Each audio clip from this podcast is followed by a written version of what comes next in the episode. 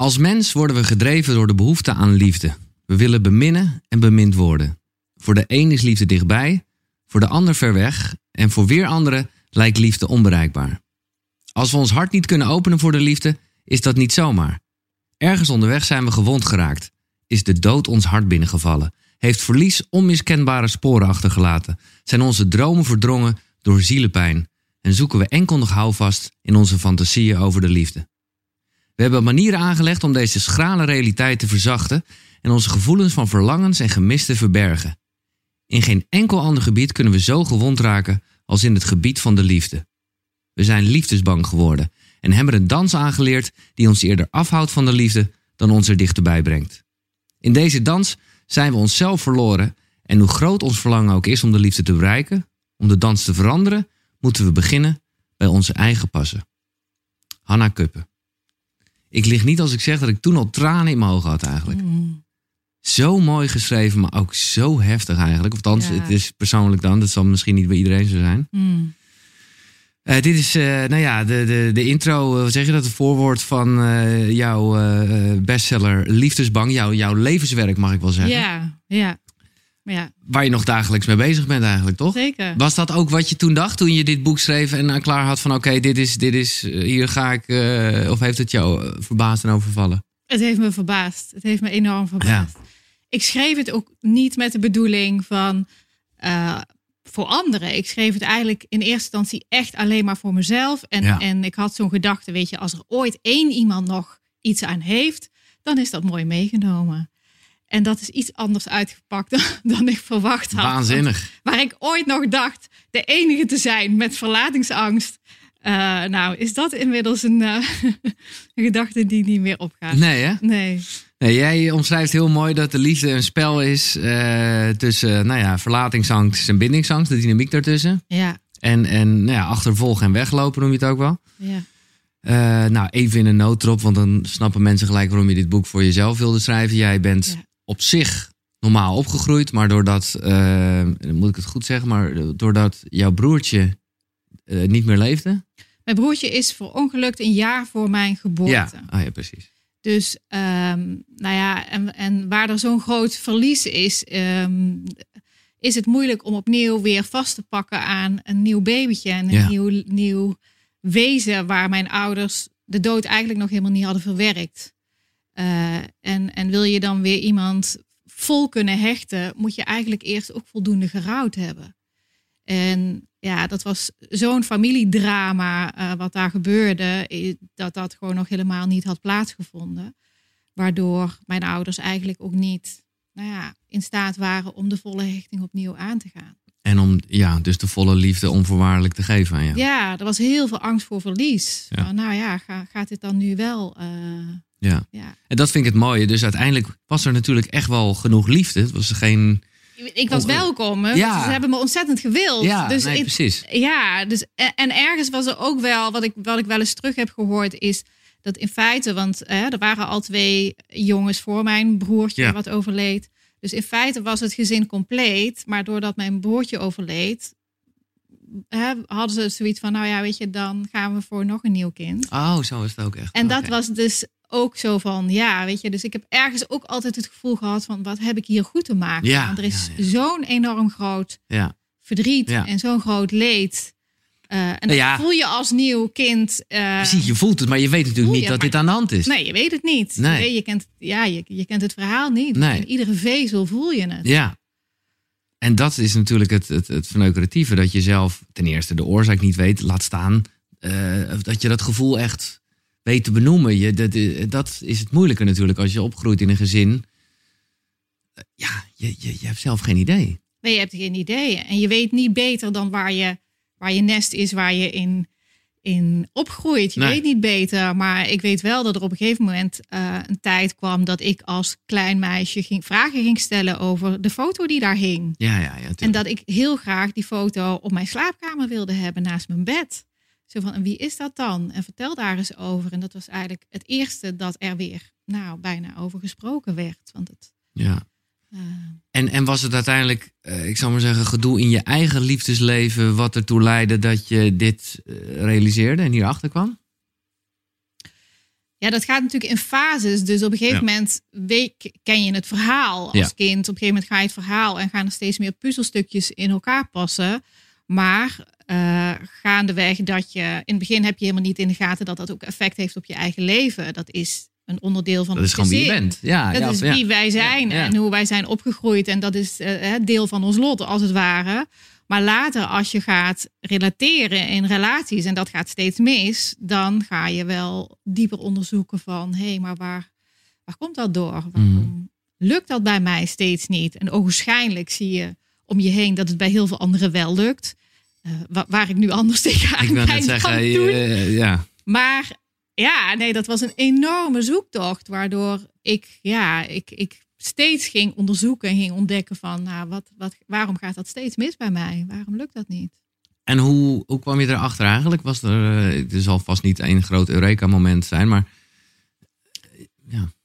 Nou ja, waar ik, waar ik die dynamiek ging leren kennen. Als ik bijvoorbeeld eh, heel gek op een jongen was, dan was die het niet op mij. Dus eh, en op een gegeven moment kwam ik wel iemand tegen waarvan ik dacht, nou weet je, eh, als ik ooit met iemand kinderen ga krijgen, is het met deze man. Dus dat was een enorme, nou ja, verliefdheid, Ja. enorme aantrekkingskracht. Ehm, hij had ook psychologie gestudeerd, dus ik dacht, weet je, als wij er samen niet uit kunnen komen, dan, ja, dan houdt het op.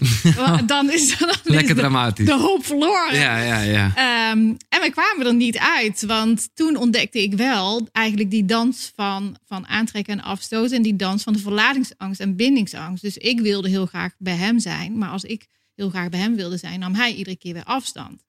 Maar als ik het losliet, dan zocht hij mij steeds Ja, weer op. Dus ja. de, de liefde was heel erg groot, maar ja, de onmacht ook. Dus wij raakten elkaar eigenlijk precies op onze pijnpunten, waardoor we niet met elkaar konden, maar ook niet zonder elkaar. Zoals vele relaties zijn natuurlijk. Zoals heel veel relaties gaan. Ja.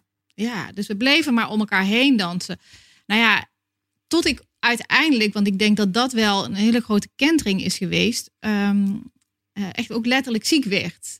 Eh, en toen ik ziek werd, was dat zodanig dat ik echt moest besluiten om met alles te stoppen.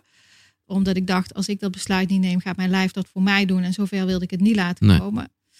En ehm, nou ja, toen had ik, nou, ik had zo'n haat-liefde verhouding met, met zo'n ar- arbeidsongeschiktheid of zo'n, ehm, hoe noem je dat? Zo'n verzekering als je zelfstandige bent. Ja, ja, ja, ja, ik snap je wel. En eh, dan moet je dus iedere maand naar zo'n controlerend arts. Ja.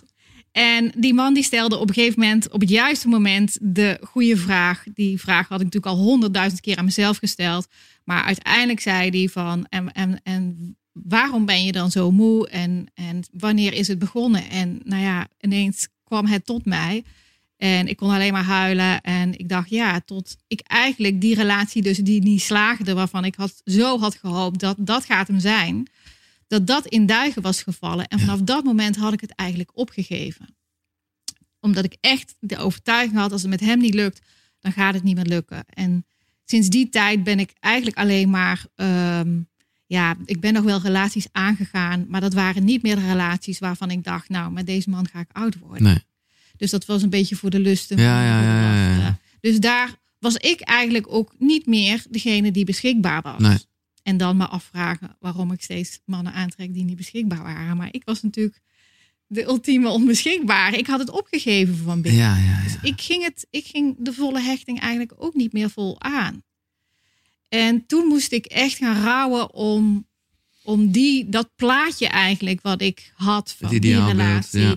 Van nou, dat dat de vader van mijn kinderen zou gaan worden. Toen moest ik echt gaan rouwen omdat dat niet meer ging gebeuren. Eh, en daar, dan kom je er eigenlijk achter. Maar ja, die, diegene die ik eigenlijk altijd heb gezocht, is mijn vader. Ja. En dan kom je erachter, en nou ben jij nog therapeut, dus jij kan ook daar wat dieper over denken. Maar goed, je komt erachter. Ga je dan, eh, dat, dat vraag ik me af, ga je dan heel erg de gesprekken aan nog met je ouders of, of je vader in, de, in het bijzonder? Of, of heeft dat eigenlijk geen zin? Dat is vaak een beetje een ding van, heeft het nog zin om het waarom te onderzoeken? Eh, het ligt eraan met wat voor intentie je dat doet. Als je dat doet met het idee dat je nog steeds iets van hun wil krijgen, Mhm. heeft het eigenlijk geen zin. Nee, Want ja, als ik nu nog moet krijgen wat ik niet heb gehad, dan Dat is kan de niet kans eens. Nee. klein dat dat nog gaat gebeuren. Ik weet nog wel dat ik na dat gesprek met die arts dacht: oké, nu kan ik niks meer achterhouden. Nu kan ik het niet meer uh, wegpoetsen. Nu is het zo vol in mij, hè, de emotie. Ik ben recht naar mijn ouders gereden en ik heb het gedeeld. En eigenlijk werd daar ook totaal hun onmacht voelbaar in wat ze al die tijd niet konden. Ja, nee, maar goed, op eh, dat moment zijn, wat moet je er ook mee? Ja, ook wat, niet konden. Nee, dat begrijp ik ook wel. En, en ik weet dat ze het ongelooflijk vervelend voor me vonden en pijnlijk en noem maar op. Maar wat, ik, wat je dan zou willen dat, dat ze konden geven, konden ze op dat moment ook niet geven. Nee. Dus um, weet je, je kan delen als je dat met je ouders kan delen, maar niet meer met het idee van geef me dat nog wat jullie niet eerder hebben kunnen geven. Nee. Dus het, maar waarom, waarom zou je het dan eigenlijk wel delen? Nou ja, voor als die opening er nog is, uh, nou ja, waarom niet? Ja. Uh, het, het, het, kan zeker iets openen en het kan zeker. Ik heb echt wel gesprekken met mijn ouders gevoerd. Ze hebben mijn boek gelezen. Ja. Uh, maar niet meer met het idee dat, dat ik daarin nog iets van hun nodig heb. Nee, maar het lijkt me zo. Ik zeg dit is allemaal projectie voor mezelf hoor. Omdat ik gewoon, als ik denk nu aan mijn eigen moeder, mijn vader leeft niet meer. Dan denk ik, ja, waarom, waarom zou ik heel erg dat gesprek met haar aangaan? Omdat ik gewoon zo bang ben dat ik er gewoon een schuldgevoel aan uh, praat. Ja, maar dan zou je het bijna ook doen. Het schuld komt er ook omdat je misschien nog iets hoopt of verwacht. Ik heb het. Ik heb, ja, ja. Toen ik wist dat mijn boek uitgegeven zou worden, vond ik dat de eerste stap moest zijn om mijn ouders de kans te geven om het te lezen, nog voordat de wereld het zou lezen. Dus ik heb ze allebei een exemplaar gegeven. Van alsjeblieft. En nou, helemaal losgelaten of ik er wel of niet iets van zou horen. En mijn moeder belde me een week daarna en, en eigenlijk in tranen. En ze zegt, ik heb het uitgelezen en ik heb alleen maar kunnen huilen. En voor het eerst besefte ze eigenlijk wat het voor mij had betekend. Mm. Dus voor het eerst kon ze werkelijk invoelen van, hé, hey, wat voor groot effect. Ik, en ze, ik wist het niet dat je die angst had. Ik wist het niet. Nee. Ehm, en ze heeft me eigenlijk een ontzettend mooi onverwacht geschenk gegeven. Want het was natuurlijk ook de schaamte. Want weet je, ja, mijn, een stuk van mijn eigen verhaal staat erin ja, over een liefdesbange dans waarvan ik denk, jeetje, ik, in eerste instantie had ik het opgeschreven met het idee, ik haal het nog wel weg. ik moet echt mijn familie niet lezen en vooral mijn vrienden niet en noem maar op.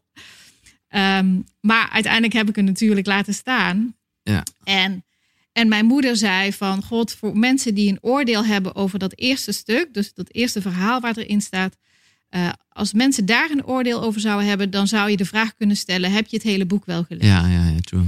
En dat vond ik zo prachtig ja. dat ze dat zei, waarvan ik het gevoel had van: nou, mam, je hebt het ergens op een diepe laag echt, echt goed begrepen. Uh, goed begrepen. En dat was voor mij echt een, uh, een cadeautje. En dan nu, jaren na dato, waar het er over. Het is een, het is een ongekend succes. En er zijn wel meer uh, schrijvers hier in Koekeroe die nou ja, het dan hebben over een bestseller. Maar uh, dit, is, dit is wel echt, echt een bestseller.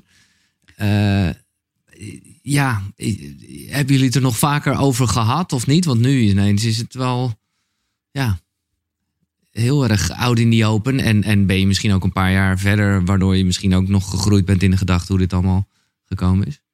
Je bedoelt met mijn ouders? Ja. Nou, we hebben het erover in die zin. Ja, ze, ze kijken eigenlijk ook wel heel erg met grote trots mee. Ja. Weet je, ik was toevallig gisteren nog bij ze en ik zei, nou, morgen ga ik naar Giel. Ja, ja, ja. en dan zo van, oh ja, nou, hè. Dus Ja, dan, dan- nou, dat vinden ze dan. eh, Ja, het, is, het is wederom een mooi verhaal hoe iets heel pijnlijks, iets heel dieps, eh, nou ja, jouw, jouw levenswerk is geworden om nou ja, dat, dat te laten zien en hopelijk anderen daar handvat in te geven om. eh, Ja, en weet je, voor, voor hun is, is dat wat gebeurd is, wat voor hun zo dramatisch is geweest in hun leven, dat heeft zo weinig voor hunzelf betekenis kunnen krijgen. In die zin dat ze daar zo weinig vroeger in gehoord zijn. Want dat was in die tijd niet. Nee. Dat, dat, weet je, het leven ging door. Mijn ouders hadden een boerderij, er moest gewoon gewerkt knallen, worden. ja, ja, ja. Ehm, en, en ergens is het ook nu via mij een vorm van het alsnog dat het ja, betekenis krijgt. Dat het voor veel mensen op een andere laag ook weer een nieuwe betekenis krijgt. En dat dat het zaadje is geweest wat daar nou, toe bijdraagt, vind ik ook ontzettend recht doen aan Mhm. wat mijn ouders is overkomen. Maar dat heb ik dus, kijk, eh, kan het ook zijn dat je trouwens alle twee een beetje hebt? eh Je verbindings... hebt sowieso, Sowieso. allebei. Ja, dus ja, als je ja, de ene hebt, heb je ook de ander. Weet je, het, is,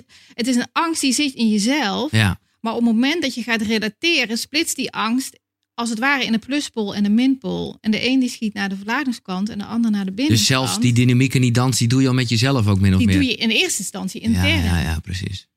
En die interne dynamiek, die leef je vervolgens uit in contact met een ander. Ja.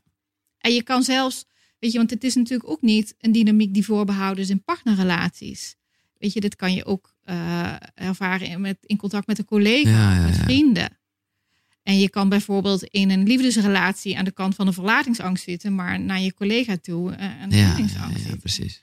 Dus ehm, Nee, dat vond ik, ik, ik, man, ik heb zoveel eye-openers gehad in dit boek. Juist omdat ik gewoon zelf nog altijd wel dacht. Nee, niet zozeer dat het niet aan mij lag, zeker niet. Maar je denkt gewoon wel dat elke relatie anders is. Dat is natuurlijk ook zo. ja, Maar min of meer is het, is, is, is het spel of die dynamiek of die dans, hoe je het ook wil zeggen, is, is, eh, ja, is een beetje anders, maar eigenlijk hetzelfde. ja, het principe van de dynamiek Ja. is hetzelfde. En het, ja, het jasje is een beetje verschil. Maar als je, als je de dynamiek gaat leren zien, Ja. dan kijk je door, dat, door die buitenkant heen. En dan zie je eigenlijk overal dezelfde dans terug. Nee, maar je denkt natuurlijk heel erg als je net uit de relatie komt, nou, deze fout ga ik niet meer maken. Daar ga Ja. ik de volgende keer op letten. Ja, Maar zo werkt het niet, omdat het Nee. gewoon, het zijn zulke oerinstincten, die kan, die kan je eigenlijk helemaal niet veranderen. nou die kan je met je denken niet Nee, veranderen. eh, precies. Dat is, Die kan je met je Nee. denken absoluut niet veranderen. Dus hoe meer je denkt, oké, volgende keer ga ik het anders doen. Nu snap ik het, nu heb ik het gezien. Ja, hoe groter de valkuil eigenlijk opnieuw is. Ja. Ja, ik moet zeggen, ik heb wel een eh, lichte accent eh, richting bindingsangst. Mhm. Eh, en, en ik moet zeggen dat ik op een gegeven moment de symptomen las. Ik dacht, nou jongen, ik, ik, ik, ik werd helemaal gek. Omdat het, omdat het gewoon, dit is gewoon echt, dit is gewoon wie ik ben. Je gaat verbindingen en commitment uit de weg. Je bent bang om je vrijheid te verliezen. Je stelt je gereserveerd op, wil het liefst alles openlaten. Je ervaart de ander snel als te veel verstikkend. Je doet alles om de ander op gewenste afstand te houden, opdat het geen serieu- serieuze relatie wordt. Het idee van samenwonen of trouwen benauwt je. Je hebt de neiging om kritisch te zijn en fouten te zoeken in een ander. Je blijft, nou, ik kan even doorgaan. Hmm. Ehm, maar dat is met name dan dat je dus, nou ja, de- eigenlijk gewoon vooral dat je, dat je eh, ja, vlucht voor jezelf. Helemaal. Want verbindingsangst is, eh, is ook al, of bindingsangst is ook al eigenlijk, ja, of misschien is dat het wel gewoon natuurlijk Ah ook, ja, dat je niet verbonden met jezelf je, bent. Voor je eigen diepere gevoelens. Ja, Dus hè, je, je moet voortdurend in de vluchtigheid zijn of in de afleiding of eh, om maar niet bij je eigen ongemak te zijn Nee. en bij je eigen leegte. ja wijs gelijk naar je buik. Dat is, vind ik heel Ja, goed. Nee, maar dat vind ik heel goed, want dat is voor dat, mij. Dat is ergens de plek waar je Ja. wil zijn. Nee, ja, precies. Dus je bent eh, nou ja, overal op gericht en je zoekt veel escapes en uitvluchten. En eh, je moet altijd ergens de achterdeur weten om weg te kunnen. Ja. Om maar niet daar te zijn. Ja. Maar ja, dan de grote vraag. En ik realiseer me dat ik niet eh, jou hier thuis heb uitgenodigd om dat even in vijf minuten te fixen. Want eh, nou ja, de kennis is één, maar dan moet je dat langzaam ook eh, nou ja, doorvoelen en op anticiperen. Maar even, even, even gewoon toch wat kort door de bocht. Hoe pak je dat aan dan? Nou ja, wat je zegt, ehm, het inzicht is een eerste stap. Ja. Zodat je gaat leren herkennen van, oh ja, wat doe ik nou eigenlijk? En waar ben ik nou mee bezig? Dus de bewustwording is ontzettend belangrijk. En is dat dan ook nog, toch nog even terugkomend of, of ik het wel of niet met mijn moeder dit ga bespreken? Kijk, dat komt toch wel voort uit op zich een prima jeugd. En dat vind ik het lastige. Ik, eh, het voelt al snel als een soort aanklacht. En, eh, en Ja, dat wil maar je dat maar is niet. Eigenlijk mooi dat je dat benoemt, want dat vind ik ook ontzettend belangrijk. Dat het gaat niet over een schuldvraag. Nee. Weet je, het is het laatste wat mijn ouders gewild hebben, dat Nee, mij exact, zou overkomen. exact. En ik geloof ook dat het voor jou en Ja, heel veel ouders Ja, zo ja. geldt. Dus het hoeft niet te maken te hebben met, eh, eh, het heeft niet te maken met, het is onmacht. Het is ergens onmacht. En er zijn vele redenen waardoor dit kan ontstaan. Maar in dit geval eh, gaat het echt wel een beetje om. Nou ja, eh, noem het dan maar toch even zwaar. Gebrek aan liefde, in ieder geval warmte. eh, eh, ja, ook een soort verbondenheid. Ja, als dat het probleem is, hoe moeilijk is het dan juist om gevoelige onderwerpen als deze te bespreken? En Ja, wat bereik je ermee? Dat, dat, eh, daarom. Ja, als het, als het helpt in mijn proces, dan ben ik wel geneigd het te doen. Maar dat is dus nogmaals de vraag. Denk jij, ja, gewoon als je gewoon heel concreet met betrekking tot wat ik je net vertel. Denk jij van ja, ga dit even met je moeder bespreken? Of ga het vooral met jezelf aan? nou, ga het vooral met jezelf aan. Ja, Dat is het allerbelangrijkste. Ja, ja. Ga het vooral met jezelf aan. Ehm, en je kan delen met wat er van binnen bij jou gebeurt. Ja. Maar dat is iets anders dan het hebben over van god, jullie, jullie hebben dit Nee, ja, gedaan of niet gedaan of nagelaten of niet kunnen geven. Want dan kom je al zo snel tegenover elkaar te staan. Ja, ja, ja. Ehm, dus het gaat zo ook over het insluiten van waar zij verwond zijn geraakt in hun geschiedenis. Ja. Dus het is, het, is, het is niet tegen hun, maar je wil nu wel stappen maken voor jezelf. Dat je in ieder geval daar zelf verder mee kunt. Maar goed, we waren even eh, op zoek naar de oplossing. Eh, nogmaals, ik realiseer me echt dat het niet zo 1, 2, 3 is. Nee, de quick fix bestaat niet. Nee. Die bestaat absoluut niet, want het is ergens ook gewoon een levensthema. Mhm. want, want de oorsprong van dit thema is, ligt eigenlijk altijd bij rondom geboorte. Dus voor, tijdens of in de eerste levensjaren, waar de periode van hechting natuurlijk het allerbelangrijkste is, daar ontstaat dit. Ja, soms zelfs op het moment dat je nog niet eens geboren bent. Hè? En, eh, ja. Het kan. Ja. Ja, dus eh, dit, dit eh, beschermingsmechanisme, wat voor ons van levensbelang is geworden, ja, dat nemen we dus e- ergens ons hele leven lang al mee. Dus Ja. dat laten we natuurlijk ook niet makkelijk los. Ehm, dus ja, waar vooral de helende beweging zit, is via de ervaring en het voelen. Dus de onverwerkte gevoelens die, hè, die we destijds niet konden toelaten als kind, omdat het te overweldigend was, dat zou ons overspoeld hebben, eh, die kunnen we nu wel stapje voor stapje gaan toelaten. Ja. We zijn nu ook gewoon volwassenen Ja. met draagkracht. En eh, dus nu kunnen we het wel. Maar alles in ons systeem zal weerstand bieden. Want hè, wij als mensen willen niet graag naar pijn toe. Nou, en het is ook gewoon, precies, dat, dacht exact dat. En het is ook gewoon iets, iets, nou ja, wat we over het algemeen nog niet echt goed getraind hebben. Nee, nee, alles in ons leven, in onze maatschappij is erop gericht om van pijn weg te gaan. Exact. Van pijn weg te bewegen. Dus dat is onze eerste neiging. Terwijl de helende beweging is om dat, Omarm het. om dat werkelijk Ja. te accepteren en, en het toe te laten. Want in het toelaten kunnen we het loslaten. Dus loslaten kunnen we niet. acti- hè, de, de eerste vraag die mensen mij vaak stellen is: Oké, Hanna, nu snap ik dat ik het heb. Mhm. Maar hoe kom ik daar zo snel mogelijk van af? Ja, dat, zo gaat het niet. Nee, Waar je van af wil, heb je echt vast te pakken. En het vastpakken met je lijf en niet hier. ja, niet in je hoofd. Nee. Ehm, maar is het eigenlijk, ja, ik weet dus niet anders, maar het, zijn er ook mensen die eh, helemaal geen verlatingsangst en bindingsangst hebben? Ofwel, is het niet altijd, is de liefde niet sowieso dat? Ik denk dat eh, iedereen hier iets van herkent. Alleen voor niet iedereen is het even problematisch. Nee. Dus mensen die. Kijk, we leven nu eenmaal in een dualiteit. In de wereld van dualiteit, daar is altijd angst. Dus we, we, we, we leven ook met angst. Ja. Dat is een realiteit die ook bij ons leven hoort. Dus ik denk dat niemand het niet kent, totaal niet. Maar er zijn wel heel veel gradaties. Dus het is wel een grote geleide schaal. En waar mensen vroeg in hun leven al ervaring hebben opgedaan met, hè, met, met onbeschikbaarheid of eh, nou, met trauma, noem maar op, geboortetrauma, de navelstreng om de nek, in de couveuse hebben gelegen. Nou ja, zo kun je Mhm. verschillende dingen opnoemen. Ja, daar, daar speelt er natuurlijk des te meer. En hoe, ja, hoe heftiger dat trauma toen is geweest, ja, hoe sterker je die dynamiek in je leven kent. Ja, en ik zit me te bedenken, maar dat, dat wel een beetje benoemd. Dat natuurlijk veel mensen er ook gewoon, nou ja, en ik weet niet of ze er gelukkig mee zijn, maar in ieder geval eeuwig bij elkaar kunnen blijven in dit spel. Waarbij ze elkaar, nou ja, ook wel dus de, pijnlijke kanten laten zien. Maar dat, die dynamiek die blijft dan de hele tijd aan. Of ja, nou ja, dat, dat is dan gewoon dus uiteindelijk niet echt een gelukkig leven. Ja, er zijn natuurlijk veel soorten relaties. Kijk, als, Ja. als, mensen, als twee mensen daar een soort van status quo Ja, in, in, Ja. hebben, waar ze nog steeds meer voordelen en ervaren dan nadelen, ja, hebben ze nog een reden om bij elkaar te zijn. Ja. Ehm, Zo is het, ja.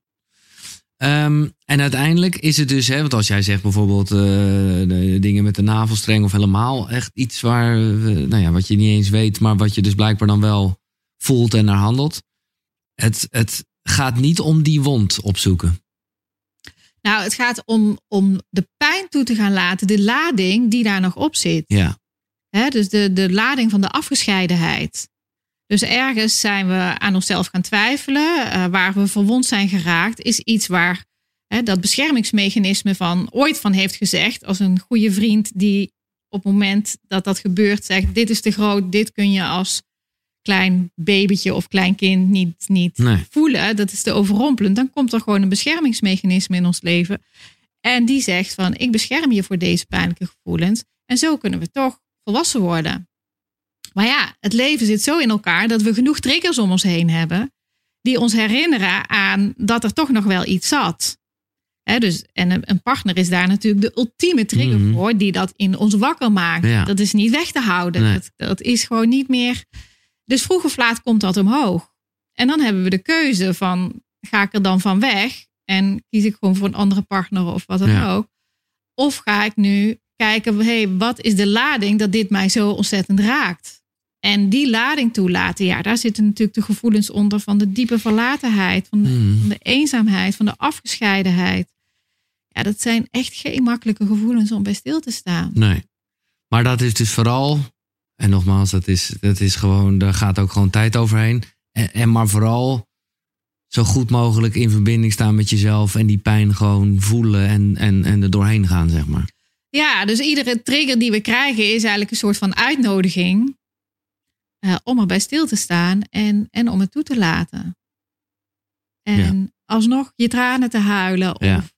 de lading van de boosheid naar buiten te brengen of wat dan ook. Ja. Ehm, Nou, Ja. boosheid, maar goed, dat heeft hier alles mee te maken. Boosheid, vind dat, daar merk ik echt dat dat een soort probleem bij mij is. Omdat ik gewoon die emotie helemaal niet zo goed ken. mhm, Terwijl ik hem natuurlijk, moet ik hem kennen, denk ik ergens. mhm.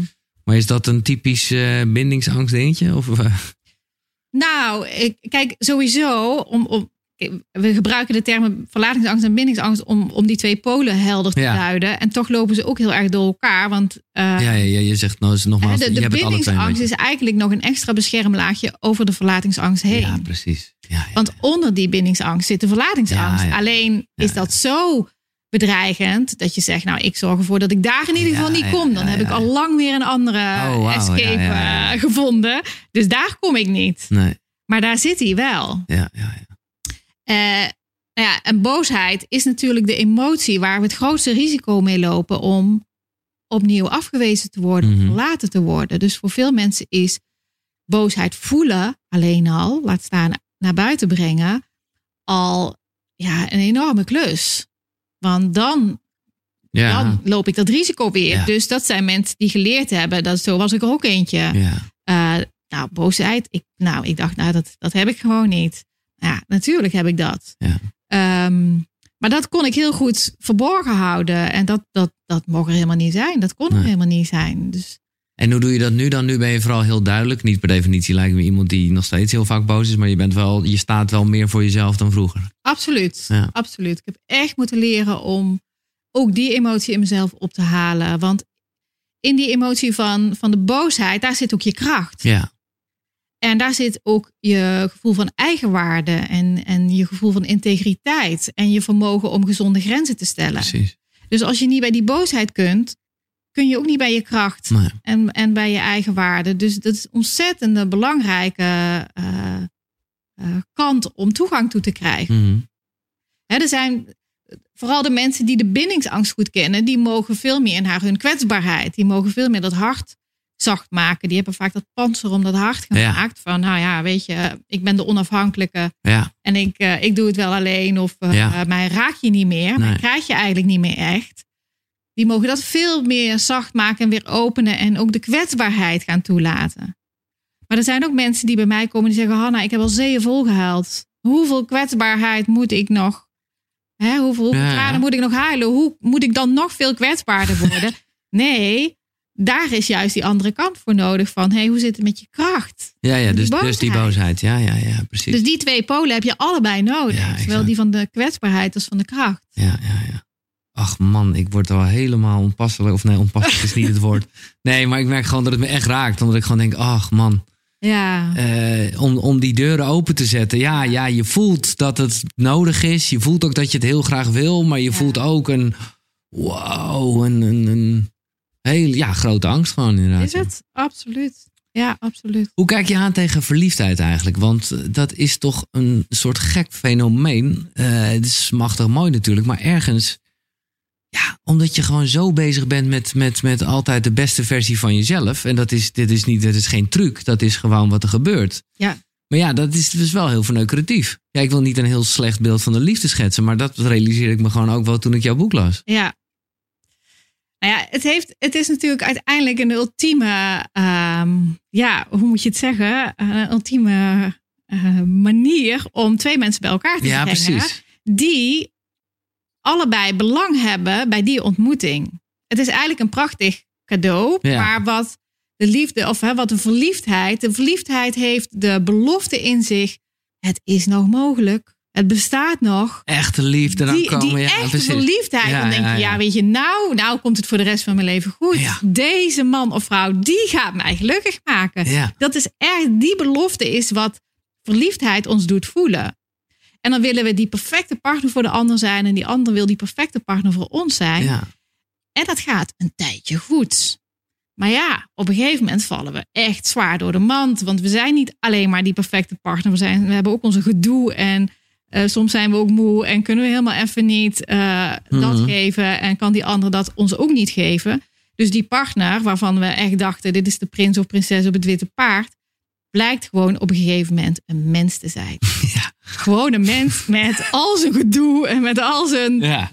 Nou ja, met alles erop en eraan. Maar je kan er ook niks tegen doen. Ik heb wel eens geprobeerd, namelijk dat ik gewoon wel bewust was van het feit dat ik weer helemaal verliefd was. En dat ik dacht: oké, ik ga nu niet. Ik ga, zo, ik ga niet die prins proberen te spelen, want dan, dan, dan komen we elkaar later tegen. En dus, dus, dus dan probeer dat down to play. Maar het- dat is niet iets wat je, als, eh, wat je zelf onder controle kan hebben. Nee, nou, het is, het is lekker om daar mooi. even van te genieten. Ja, nee, precies. maar vroeg of laat komt die scheur natuurlijk Ja. en vallen we door de mand. En, en dat is eigenlijk het moment waar, wat er echt toe doet van... hé, hey, en blijf ik nu met mijn eigen kwetsbaarheid... en ook met al het onvermogen en de kwetsbaarheid en het gedoe van de ander... mag, mag die ander gewoon mens zijn... En mag ik ook gewoon mens zijn? Ja. Mag ik ook mijn eigen Dan begint de echte liefde als het goed is, Dan- of niet? En, en als die verbinding er mag zijn, eh, als ik met dat alles er mag zijn en ik mag gewoon echt helemaal mens zijn, met alles inclusief, Ja. en ik hoef niets van mezelf weg te houden, ja, dat is, dat is de echte liefde. Het is eigenlijk, het is eigenlijk onszelf- waanzinnig. Het is een soort tool eigenlijk, die verliefdheid. eh, waardoor je een soort verdoofd bent en dus eh, geconnect raakt met elkaar. Omdat je het anders misschien nooit zou doen. Precies. En juist die ander die je hebt aangetrokken, want dat is natuurlijk ook de dynamiek, die is de aantrekkingskracht van de dynamiek, zorgt ervoor dat het leven brengt jou eigenlijk iemand op jouw pad die voor jou het perfecte cadeautje is om dat in jezelf wakker te roepen wat nog niet heel is. Ja, ja, ja. Dus ja, maar, dat, jou de maar is dat altijd zo? spiegel. Want dan, dan, dan is het, dat is dus wel heel erg. Ja, dat heb ik gewoon wel heel erg eh, geleerd van, van eh, Jan Geurts. eh, de, hoe heet zijn boek? Verslaafd aan liefde. Verslaafd aan liefde, ja. Dat het dat dus eigenlijk juist niet moet zijn. Want dan, dan probeer je van twee helftjes één te maken, zeg Nee, maar. juist niet. Juist niet. De, hè, die ander, die is de ultieme trigger om in jou wakker te maken wat er al in jou zit. Ja, ja, gewoon de trigger om wakker te maken. Dus, ja, dus ja, die laat jou zien waar ik nog niet heel ben in mezelf. Ja, of waar ja, ja. ik nog. En jij zei ook een spiegel. Het is niet zozeer dat je bij elkaar optelt. Nee, juist niet. Want Nee. waar je het juist bij elkaar gaat zoeken, daar zit je in die symbiose en in die verstrikking met elkaar. En dan zit je in de wederzijdse afhankelijkheid. Dat is de, de liefdesbange dynamiek. Dus dan zit je daarin gevangen. Precies, ja, ja, ja, ja. Maar wil je daaruit komen, kan je zeggen: Oké, en wat hiervan is van mij? Ja. En wat, wat in mij kan ik dus meer gaan omarmen en in het licht gaan zetten en gaan helen? Dus wat, ehm, wat heb ik hier te doen? En, en als beide partners dat voor zichzelf gaan doen, ja, dan kan je de liefde enorm verdiepen. En dan kan je ontzettend veel van elkaar leren. Ja. Nee, maar oké, maar dat is wel even goed om duidelijk te maken. Dat als jij het hebt over de symbiose, is dat vooral dus met jezelf. Niet, niet zozeer eh, tussen twee mensen. Nee, dat is ook tussen twee mensen. Ook wel tussen twee mensen. Ja, dus die, die, de verliefdheid is eigenlijk een- vorm van symbiose. Ja, Dus het is eigenlijk een versmelting waarin we weer even terug willen naar die eenheid waar we ooit vandaan kwamen. ja. En daar is alles goed. heerlijk. Daar is alles goed. Ja. Maar ja, vroeg of laat, dan is er één van die twee die zegt: Oh, het was heel fijn in deze symbiose, maar er is toch nog Toch iets nog, meer in de wereld dan alleen jij. En die gaat zich weer wat losser maken. Ja, en dan, dan ga je die dans krijgen, want dan trigger je elkaar. Maar wat, wat je daarmee doet, bepaalt of je in die afhankelijkheid blijft. Of dat je zegt, oké, dankjewel voor wat je me laat zien. Ik vind het verschrikkelijk irritant en moeilijk en pijnlijk. Maar ik ga het in mezelf eh helen. Mhm. Ik ga het in mezelf verwerken. Ja. En dan kan het zijn dat dat het cadeautje was met die persoon. Of het kan zijn dat je jarenlang bij elkaar bent. Ja. ja. En met Ja, ook natuurlijk steeds fases weer van nieuwe Want dat verandert ook. uitdagingen. Ja, precies. Is echt niet. eh, Nou, wat ik een hele eh, belangrijke les vond ook voor mensen die in een relatie zitten en die gewoon denken wat een gedoe allemaal. Ik herkende ook weer heel erg mijn eigen gedrag. Dat je namelijk heel vaak, tenminste dat spreek ik namens mezelf, niet, eh, hoe noem je het, congruent bent. Dus dat, Oh je, ja. dat je eigenlijk gewoon tegenstrijdige signalen geeft. En dat is iets wat ik heel erg ken. Aan de ene kant echt hè, in een soort, nou ja, knuffelverstrengingsmodus. Ach schatje, ik wil nooit meer bij je weg. ja. Om op andere manieren toch ook weer een soort afstand te zoeken met nee, ik eh, doe dit even alleen of zo. Omdat je Ja. gewoon denkt, oh shit, het komt er dichtbij. ja. En, en ja, ik denk dat je dan wel weet van oké, hier is even iets niet oké. En, dat je, en dat, dat mensen dat ook altijd wel voelen, of ze het nou echt realiseren of niet. Ja, absoluut. En mensen, hè, de- maar beide polen doen dat op een Ja. bepaalde manier. De mensen met de verlatingsangst zullen dat wel meer de mensen met bindingsangst kwalijk nemen, waarschijnlijk. Eh, want ja, die zijn de eerste die, in die, eh, hè, die, die het aantrekken, maar vervolgens ook weer heel erg eh, afhouden. Ja, Maar de mensen met de verlatingsangst doen dat natuurlijk ook. Want die interpreteren wat een ander zegt. Hè, als de ander zegt, ja, ik wil de relatie wel open houden. Dan gaan die dat ook bijvoorbeeld, dan durven die niet door te vragen. Wat Nee. bedoel je daar precies mee? Nee. Oh, bedoel je dat je er nog iemand naast wil hebben? oh, is dat wat je bedoelt? Dan heb ik een keuze. ja, Hè? ja, Dan, als ik dat echt wil weten. Maar die moffelen dat ook allemaal weg, want dat willen ze niet echt weten, want dat Nee. komt toch ook slecht uit, want dat is toch ook wel heel pijnlijk. Ja. Dus ja, beide kanten doen dat, maar ja, ik denk dat meer mensen vanuit de bindingskant dat meer zullen, sterker zullen herkennen. Ja, en eigenlijk begrijp ik nu dat het sowieso niet eh, heel erg de ene met verlatingsangst en de andere met bindingsangst Nee. is. Het is dus sowieso. Zo zwart-wit is het Nee. niet. Nee. Dus, dus er kunnen ook twee mensen met bindingsangst heel erg dit spel aan het spelen zijn. Of twee mannen. Nou, dat, dat, dat zul je niet zien, want ik denk dat daar oh nee, een connectie is. Ja, precies. Oh ja. daar Oh, heb je de dynamiek niet. Nee. Dus twee mensen die bindingsangst, ja, die, die vormen geen enkele bedrijf Nee. voor elkaar. Dus En twee mensen met verlatingsangst. ja, meer weet je, die komen nooit meer uit de symbiose met elkaar, zou je zeggen. Ja, ja, dat is altijd goed. Maar dan is, er, dan is er geen belang voor de dynamiek. Dus het is, het is eigenlijk één en dezelfde angst, maar hij splitst zich. Eh, en daar heb je dus allebei recht evenredig hetzelfde belang bij. Ja. Hè, waar, waar vooral de mensen met de verlatingsangst, de mensen met de bindingsangst, ehm, nou ja, een soort van beschuldigen wat ze doen, want die is lastig. En ik wil wel. Hè? De mensen met verlatingsangst zeggen: Ik wil wel. Ik wil me juist verbinden. Ik wil heel graag. Mhm. Ik wil heel graag samen met die ander zijn. Maar toevallig precies bij iemand die dat niet beantwoordt.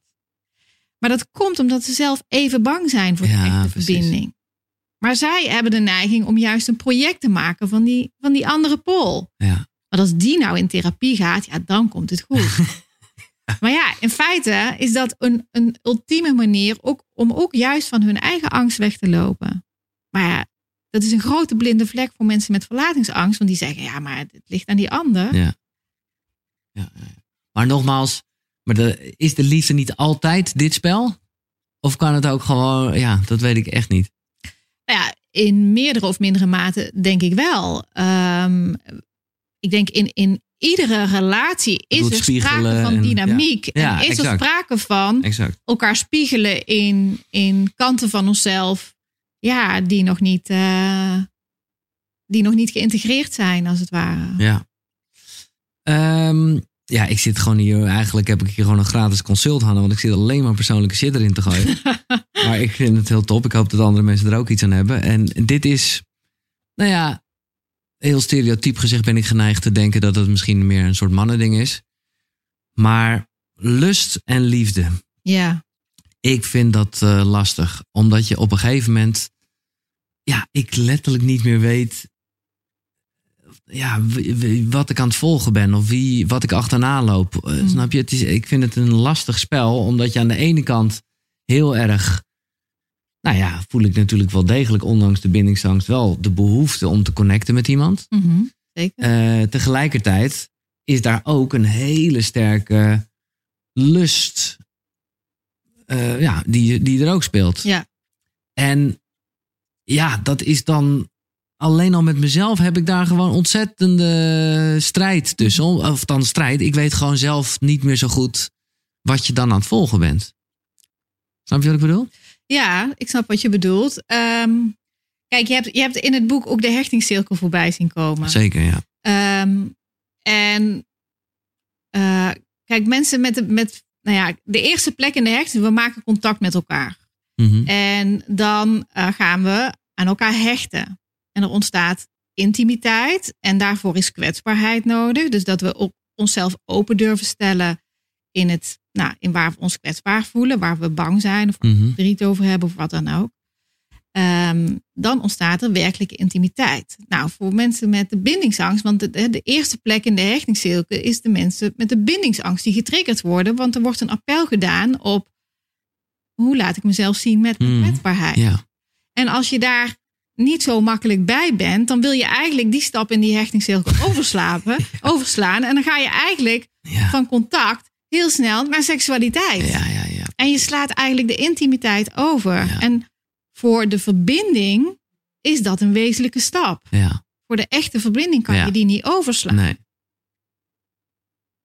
Dus dan, nou ja, dan kun je Ja, seksualiteit delen, maar dan mis je eigenlijk de intimiteit. Ja. Weet je, dan, dan is die ander bij wijze van spreken een soort van inwisselbaar. Ja. Ja, ja, ja. Eh, maar als je je echt openstelt in je kwetsbaarheid en in de intimiteit, ja, dan ga je dat verbinden met echt die persoon.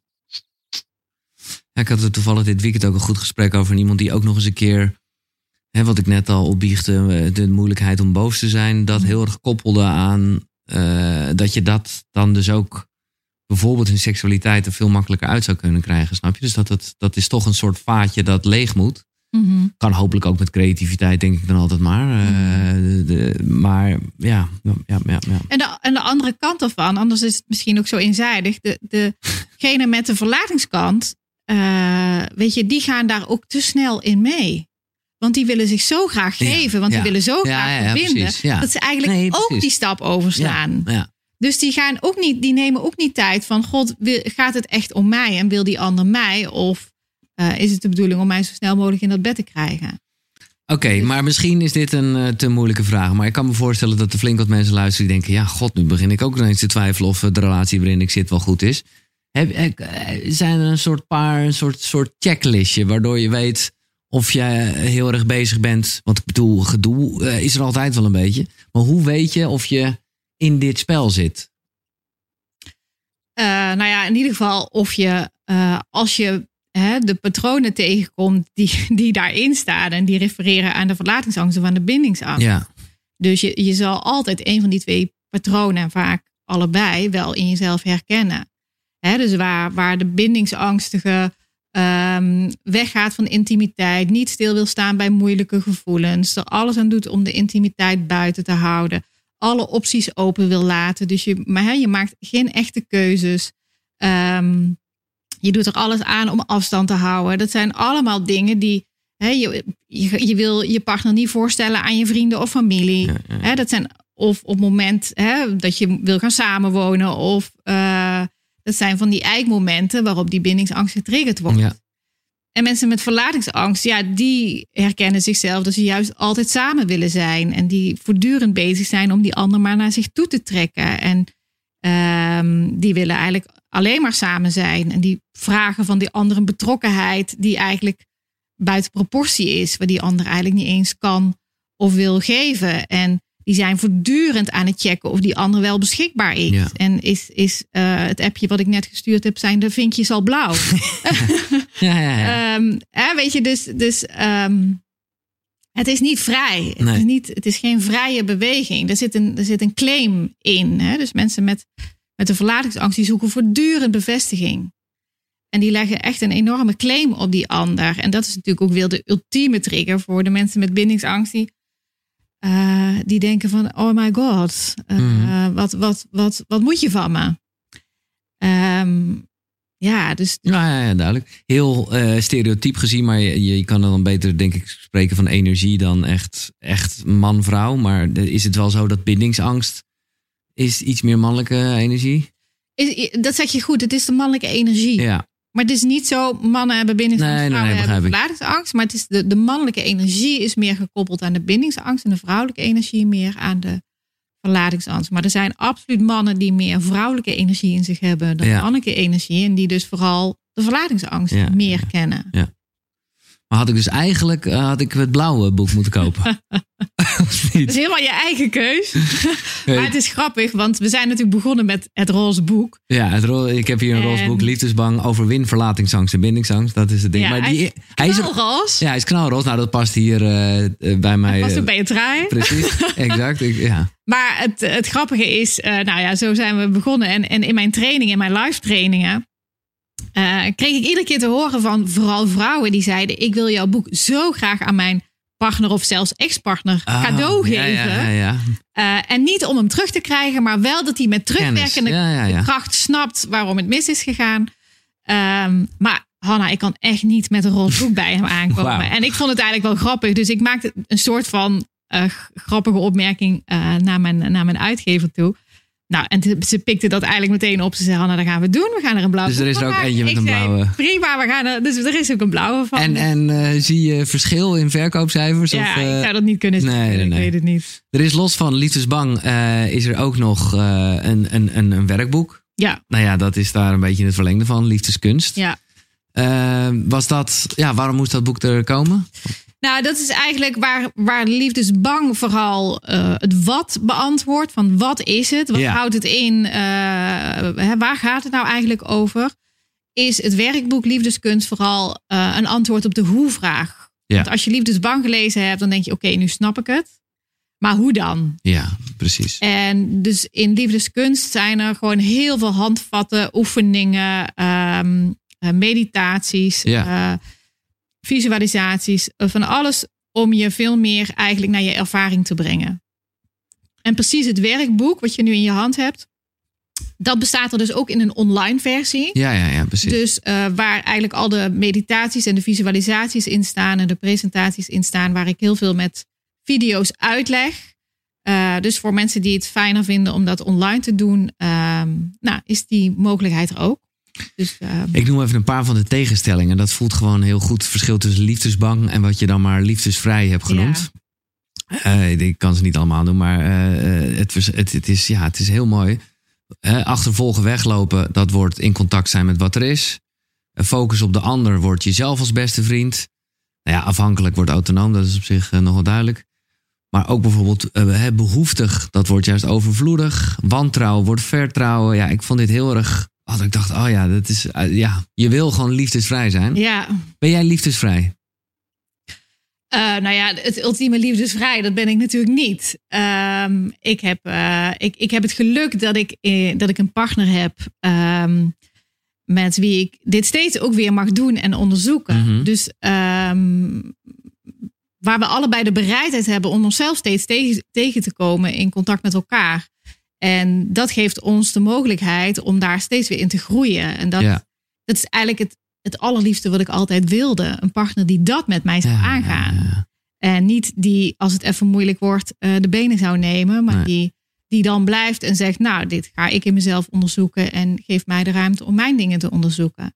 Dus ehm, het is natuurlijk niet een zwart-wit van dit rijtje, dat rijtje. Weet je, Nee, eh, soms ploeteren we in het linkse rijtje. Ja. En, en Ja. soms hebben we ervaringen in, in het liefdesvrije stuk. Maar ja, we- worden ook iedere keer weer uitgenodigd om iets van de, van de angstkant weer te integreren en te helen. Dus het zijn steeds diepere lagen die Ja. daarin ehm, naar boven komen. Die, eh, Ja, nee, dat begrijp ik goed. En dat is ook, dat is gewoon het leven. Dat is ook dat is mooi. het leven, Ja. absoluut. Ja. Ik vond met name, want nou ja, dat is een beetje een soort rode draad eh, in deze hele koekeroe-reeks. Dat eh, nou ja, ik heel erg ben, bezig ben met, met verbinding met mezelf. Dat is letterlijk, daarom vond ik het grappig dat jij zo naar je buik ja. eh, wees. Omdat het daar gewoon ook allemaal een beetje begonnen is. Gewoon echt letterlijk door trainen. En ik het feit dat ik mijn buikspieren niet goed onder controle heb. En gewoon omdat ik het heel moeilijk vind om de hele tijd dat te voelen. Nu ben ik daar echt een paar keer per dag. Ik zit eraan te denken om toch echt een soort alertjes te gaan eh, zetten. Zo van oké, hoe, hoe sta je in verbinding met jou? Mm. Maar ik vond het zo mooi dat de andere kant, de liefdesbange kant, is verlies van jezelf. Waardoor ik dacht van, oh ja, Ja. dat is dan uiteindelijk wat eraan ten grondslag ligt. Ja. Ja, je levert, je levert iets van jezelf in om in contact met de ander te zijn. Dus hè, ergens verlaat je jezelf om in contact met de ander te zijn. En dat kan natuurlijk nooit Nee, de bedoeling zijn. nee, nee, nee. Eh, liefdesroep, moet ik eerlijk zeggen, heb ik nog niet helemaal gelezen. Eh, maar ik voelde wel heel erg eh, een stuk herkenning in. ja, weet je, dat is. eh, ja, een passie heb ik gewoon altijd gehad. Gewoon heel erg goed weten wat je wil en, en daar dus ook voor gaan. Want dat is toch een beetje liefdesroep. Gewoon wat je, wat je, waar mensen vaak wel een probleem mee hebben, wat je echt zou willen in het leven. Ja, daar gaat liefdesroep over. Dus echt, wat is de, nou, de roep van je hart? Eh, dus waar, het is eigenlijk een, een eh, breder continuum dan wat liefdesbang is. Liefdesbang gaat dus eigenlijk over het domein van de liefde. En liefdesroep gaat eigenlijk over het domein van het leven. Ja, Dus het gaat eigenlijk over hoe kan ik mijn, mijn levensangst of doodsangst omzetten naar eh, het levensvrij zijn. Dus hè, bij liefdesbang is dat het liefdesvrij zijn, wat je net zo mooi in de ja. rijtjes liet zien. ja, En bij liefdesroep gaat het over levensvrij zijn, zodat ik niet meer belemmerd word door mijn eigen angsten om uiteindelijk mijn eigen passie en mijn bestemming te kunnen leven. Want ik geloof dat we allemaal eh, ja, echt een Mhm. doel hebben of een bestemming hebben wat we voelen van hé, hey, daarvoor kwam ik eigenlijk. Ja. Dat was, dat was wat, wat potentieel aanwezig was. En ja, ik denk dat we het grootste geluk ervaren als we dat ook kunnen openen en ons dat potentieel ook kunnen leven. Maar ik voel wel steeds meer, nou ja, jouw eh, levensverhaal is, hè, die, die geeft dat ook aan, dat dat hem misschien juist wel heel vaak zit in datgene waar je bang voor bent. Precies, precies. Nou, dat is ontzettend mooi dat je dat zegt, want dat is echt de spijker op zijn kop. En waar ik het liefdesbang was natuurlijk mijn meest kwetsbare thema van Ja, mijn ja, leven. ja. En ik weet dat ik ooit zo als kind in mijn bed lag te fantaseren. Want stel je nou voor dat ik dat, dat ik daarmee naar buiten zou kunnen komen. Stel je voor dat ik dat open aan de wereld zou durven Mhm. vertellen. Jeetje, wat is er dan mogelijk? En ik meteen terugschrok van ja, maar dat kan ik nog niet. Dat kan ik nog niet. Maar uiteindelijk later is het wel eh, gebeurd. Ja, En heeft het me ongelooflijk vrijgemaakt. Want weet je, dit is, dit is het. Dit Mhm. ben ik. Met alles erop en eraan. En dat hoort daarbij. Voorbij de schaamte. Nou, Ja. ik heb daar heel wat schaamte en angst voor het oordeel in moeten overwinnen. tuurlijk. Om daarmee naar buiten te komen. En niet alleen als mens, maar ik was ook nog eens therapeut. Ja. Therapeut die, die zegt, hallo. Ja, ja, ja. Was dat nog een soort Hallo, druk inderdaad? Ik heb, ja, eh, ja, ja, ja. Ik, eh, ik heb verlatingsangst. Er Ah, komt eigenlijk echt geen hond meer naar mijn praktijk. Ah ja, natuurlijk, ja. Ja, natuurlijk. En ergens wist ik wel beter van binnen. Ja, maar het is wel de angst waar je, die je ook hebt. Eh, maar goed, dus, dus ik heb in mijn eigen leven met dat thema zo kunnen ervaren hoe bevrijdend het is. Om dat gewoon van binnen naar buiten te brengen. Ja. En te zeggen, nou, dit is het.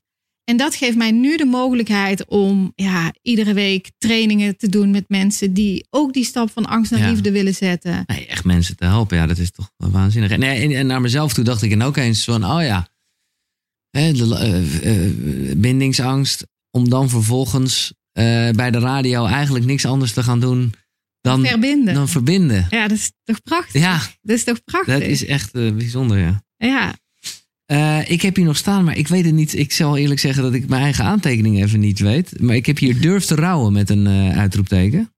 ja, Wat is, dat is, is een onderdeel van liefdesbang uiteraard. ja. Wat bedoel je, wat, wat zit daar precies achter?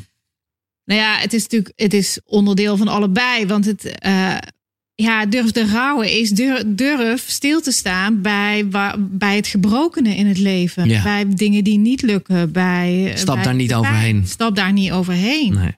Dus, dus rouwen is echt, ja, is ons gegeven om juist ook betekenis te kunnen geven aan iets wat in ons leven heel erg zeer doet of heel erg pijnlijk is. Ja. En rouw is iets wat, ja, wat we ook niet zo makkelijk meer leren of zo, om daar echt bij stil te staan. En het is, het is eigenlijk onderdeel van de, van de hechtingscirkel Ja. dat we, ja, dat we rouwen om onze verwonding. En als we daarom kunnen rouwen, kunnen we ook daar betekenis aan geven en kunnen we ook weer blijven verbinden. ja. En anders komen we in de afscheiding en, en gaan we wrokken en Ja. gaan we. Nee, precies. Wrok, Eh. dat vond ik wel echt een mooie voor de mensen die dat, daar nog echt op welke manier dan ook mee zitten. Zorg ervoor, dat heb ik van jou geleerd. Zorg ervoor dat wrok, dat je dat gewoon omzet in pijn. Eh, Ja. En voel die pijn. Ja. En dan is er liefde, is er verbinding. Het zijn eigenlijk gestolde tranen. Ja, ja, ja, ja. ja. precies. De tranen die Maar die kunnen zo hard zijn, dan zien maar we die kunnen het zo hard maken. Ja. Ja. Maar goed, dat is wat we vaak van een afstandje heel goed kunnen zien bij. Ja, ik moet even denken aan, eh, hoe heet dat programma met die, met die burenruzies en zo. Of althans, die Oh, mensen ja. die elkaar heel Ja, lang niet gesproken hebben. Dan voel je gewoon alles. Je weet helemaal niet meer waarover het gaat. Maar het is gewoon één brok wrok. Ja. Terwijl er zit gewoon altijd heel veel pijn achter. Ja, Voel die gewoon. Laat, laat, laat de tranen stromen. ja, en waar eh, natuurlijk, en dat is natuurlijk vaak ook een soort van liefdesbange dans. Want het, hè, wat je zegt, het gaat helemaal niet meer over waar, waar Nee. nou echt ruzie over kregen. Maar vaak is het ook een soort van overdrachtsrelatie. Dat er iets getriggerd is wat bij die mensen zelf een thema is. ja. Ehm, dus ja, waar, waar de echte rouw zit. We hebben deze drie boeken eh, besproken. Ik wil het zeker nog hebben over je nieuwe boek. Maar ik ben ook benieuwd naar jouw drie boeken. Want zoals eh, nou ja, elke gast heb ik ook jou gevraagd om drie inspirerende boeken. Eh, je hebt ze ook meegenomen, dat zag ik. Ik heb ze nog niet gezien. Ja. Maar de, Ja. En ik ben heel benieuwd waar ze mee te. Ja, ja, wat heeft Hanna Kuppen nou, nou, gelezen? wat heb ik meegenomen? Ja, Ik heb meegenomen van Frans Roepert Symbiose en Autonomie. Hmm. Eh, en Frans Roepert is eigenlijk een ontzettende ehm, inspirerende man als het gaat. Het is, het is een, eh, een eh, psychotherapeut uit Duitsland. En die heeft ongelooflijk belangrijk werk gedaan als het gaat over die hè, liefdesbange dans.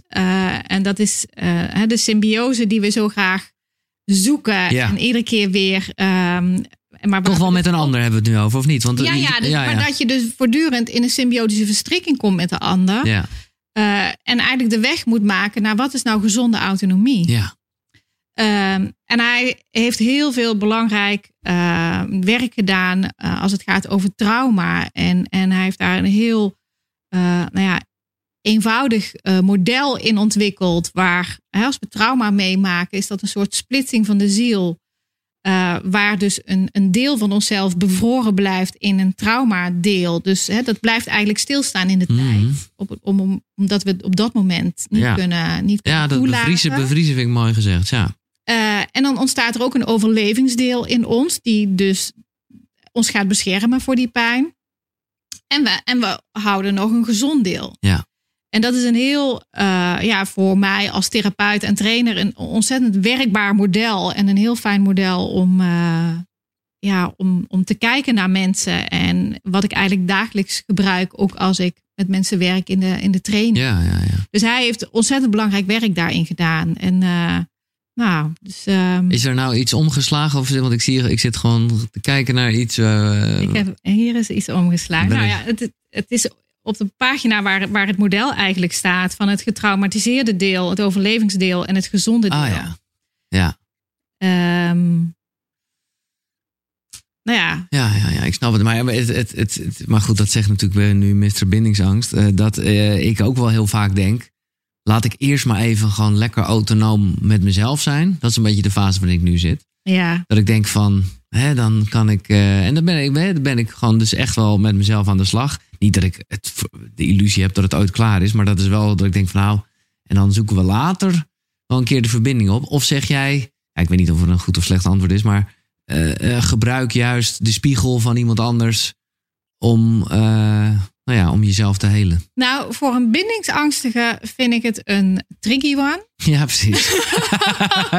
nee, oké, dat is duidelijk. Want dat kun je een beetje vergelijken met eh, eh, iemand die alcohol verslaafd is. En die zegt, als ik nou maar boven op die berg blijf zitten waar geen alcohol te kopen is, Ja. gaat het hartstikke goed met mij. Nee, oké, duidelijk. Maar zodra de verleiding eh, komt, Ja. hoe kan ik dan? Dus je Nee, lost het als het ware situationeel op. Ja, Want je komt niet meer in de verleiding. Ehm, en hoef je dus de echte verbinding niet aan te gaan. Nee. Dus je zegt eigenlijk, waar ik het allermeest moeite mee heb, parkeer ik even. Ja, ja, ja, pijnlijk dit toch? God, nee, maar goed. Ja. Eh, kijk, als, als, als dat nou iemand met verlatingsangst zou zeggen, die alleen Ja, maar iedere keer bezig heel- is in de ander, zou ik ja. zeggen: God, wat goed dat je eens even op jezelf focust. ja, dus ehm, duidelijk.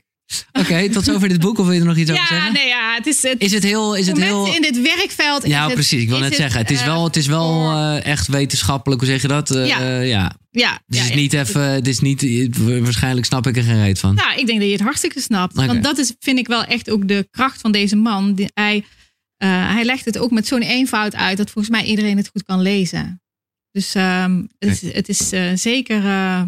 Duidelijk. Nou ja, niemand had dit boek eh, ooit nog ingebracht, maar dit past natuurlijk heel erg Nee, bij dat jou. dacht ik wel. Ik Nee. denk, eh, Oké, boek 2. boek 2. nou, welke ga ik nemen? Eh, deze maar eerst. En dat is het boek van Jan Bommeré, Door de bomen het bos zien.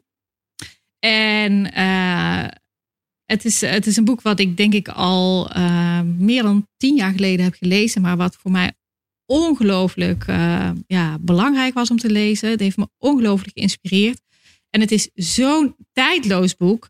Ehm, en het boek gaat eigenlijk over eh, eh, transformatie en het gaat over leiderschap. Ehm, en het gaat erover dat je, hè, je, kan, je kan transformatie niet afdwingen.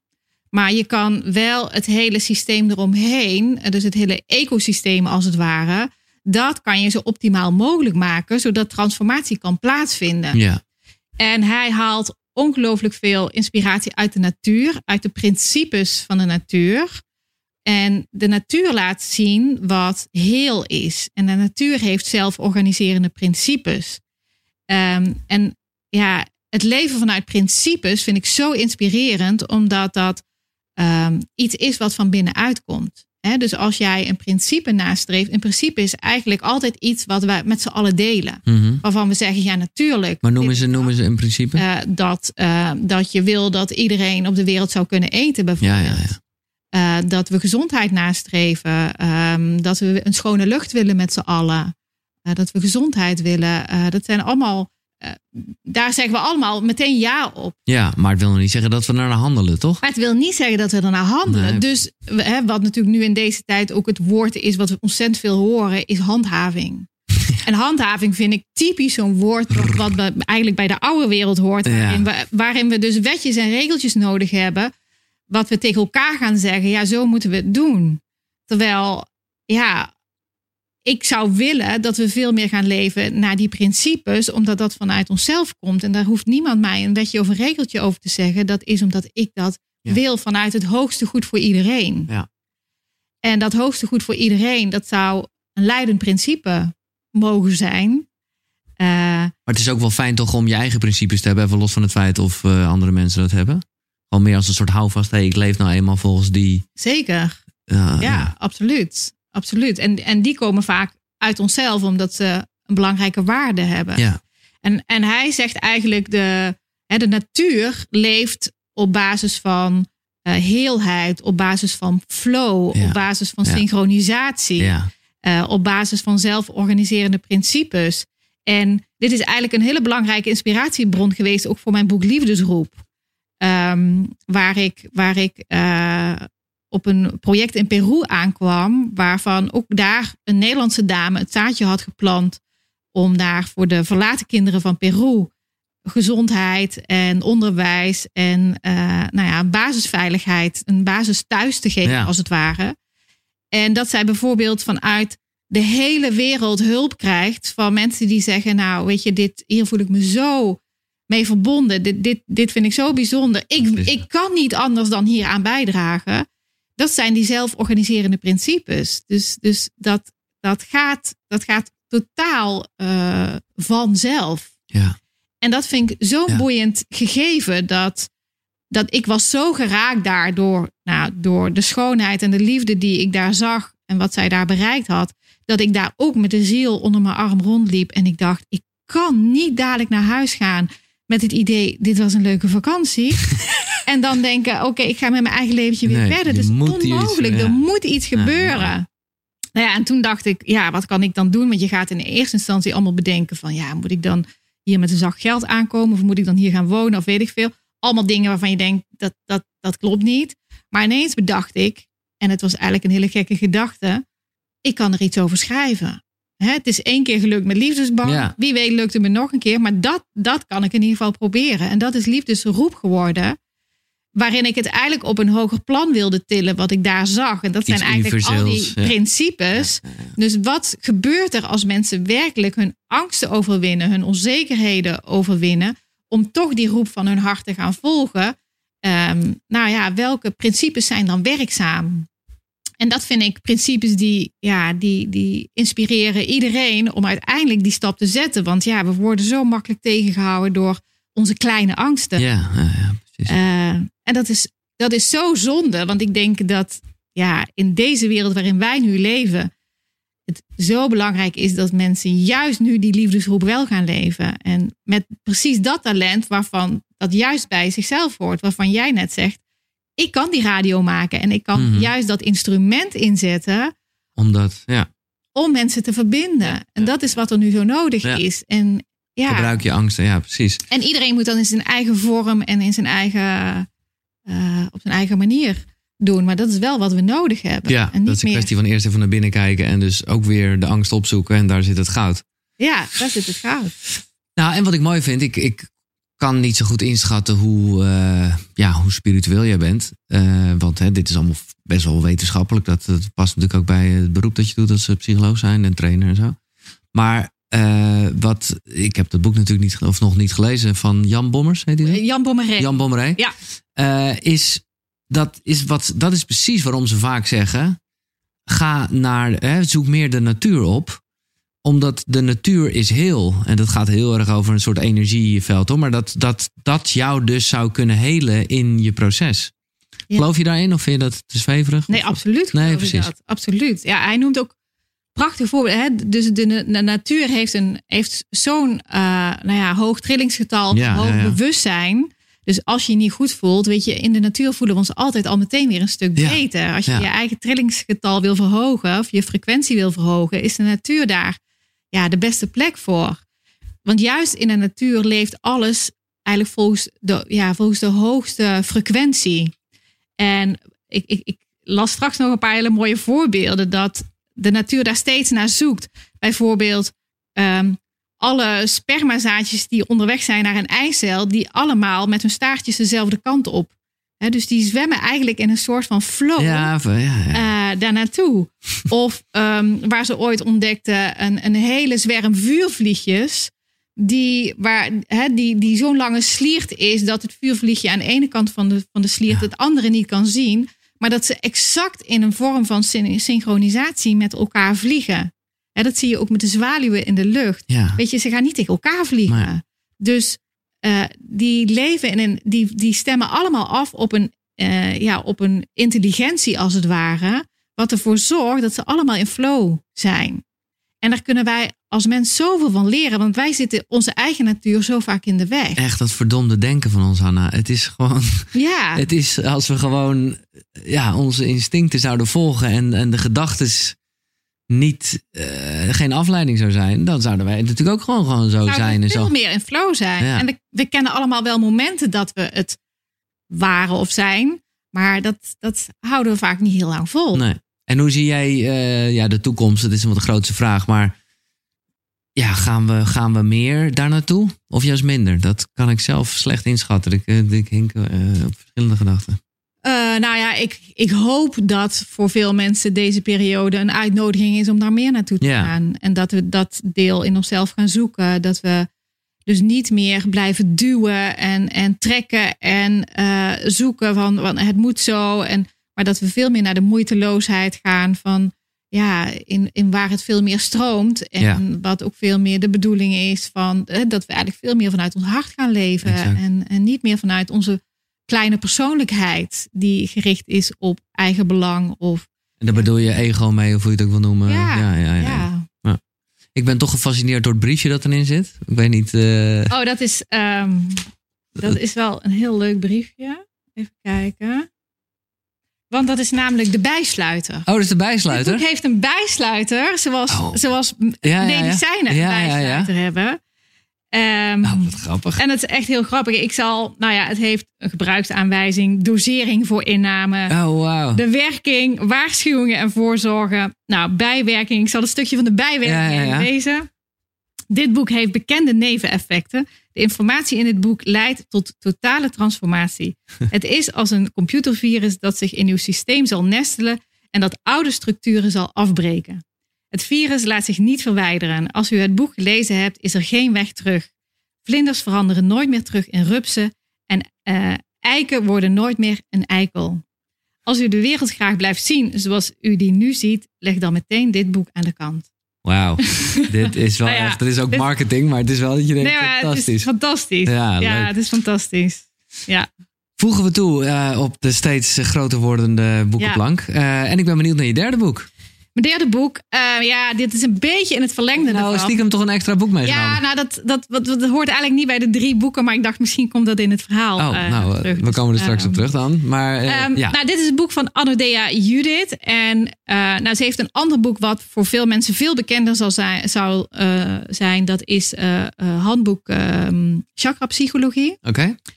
Okay. dat is ja, dat, daar heeft zij ongelooflijk veel in, uh, nou ja, in doorgegeven, in, in ontdekt. Ja. dus, um, en dat hele, uh, ja, die hele chakra-psychologie is eigenlijk een ontzettend belangrijk diagnostisch instrument voor mensen die met mensen werken. Um, en dat is het voor mij ook heel erg geweest. Maar wat zij met dit boek doet, dat heet Hart voor de Wereld, is daar trekt zij eigenlijk dat, die hele chakra-psychologie op een hoger plan. En kijkt zij naar hoe dat nu uh, werkzaam is in de wereld. Dus hoe, um, nou ja, in wat voor fase zitten we nu in de wereld? En eigenlijk zegt ze dat we in een hele belangrijke overgangssituatie zitten van dat derde chakra naar het vierde. He, dus waar we in dat derde chakra, waar het vooral gaat over. Leg nog heel even uit voor uh, gewoon lekker de newbies en ook eigenlijk mensen zoals ik. Ja. Die gewoon het principe chakra uh, niet zo ja, goed kennen. De chakra's, kort gezegd, zijn energiecentra in ons lijf. Ja. En op het moment dat die vol stromen. En, je hebt dan geloof ik, hoeveel zijn het er? Acht? Of, uh, ja, weet je, je hebt daar verschillende. Uh, ah, ja, okay. In de basis zijn het er zeven, maar er, oh, zijn, okay. er zijn ook weer mensen die zeggen je hebt er dertien. Of ah, ja. uh, weet je, dat. Nou ja, het zijn verschillende onderdelen. Dus dat zijn energiecentra in je ja, lijf, waar die gekoppeld zijn aan thema's uit ons leven. Dus ons eerste chakra staat heel erg voor de basis voor de wortels, waar zijn we opgegroeid, uh, voor de aarde. Uh, nou, Mhm. heel erg de basis in onszelf, het thuis, een dak boven je hoofd hebben, iedere dag te eten hebben, dat soort thema's. De tweede gaat heel erg over verlangen, over emotie, dat is het waterelement, uh, het stromen, um, de, de, seksualiteit zit daar. En het Ja, derde, dus, dus, dus eh, nog even voor mezelf. Dus inderdaad, boosheid en seksualiteit of emotie, zeg jij, dat zit dus inderdaad wel een beetje in Nou, dezelfde. in het, in, het, in het tweede chakra zit vooral de emotie verdriet. Dus Ah, ja, dat heeft heel erg met water te maken. En de boosheid zit meer in de derde. En, de, en de derde chakra, dat zit er in je eh, solar plexus, dus rondom je navel. Ja, Dat is de plek. En dat gaat veel meer over kracht, over macht, over boosheid, over ego, over Ja, ikgerichtheid. Ehm, hè, dus dat, dat, dat zijn alle vaststaande structuren als het ware. Ehm, nou ja, en de vierde staat dus voor het hart, Ja. voor verbinding, voor compassie, voor mededogen, voor kwetsbaarheid, voor intimiteit van het hart, zeg Mhm. maar. Ehm, en dan hebben we de vijfde, dat is de keelchakra. Die gaat over expressie, jezelf uiten, jezelf laten zien, zichtbaar worden, eh, jezelf naar buiten brengen, eh, emoties naar buiten brengen, blokkades op spreken of zichtbaar worden. ja. Eh, en dan hebben we derde oog, hè, wat gaat over het zien, over visioenen, over beelden, over eh, nou ja, de, de grote denkers, zeg maar, die. ehm, eh, nou ja, dan hebben we de, de zevende en daarmee zijn we eigenlijk verbonden met de eenheid, waar Ja. we allemaal één zijn met elkaar en waar we ook inspiratie krijgen. dus ehm, nou, dat zijn eigenlijk de, de zeven basischakras, Ja. zeg maar.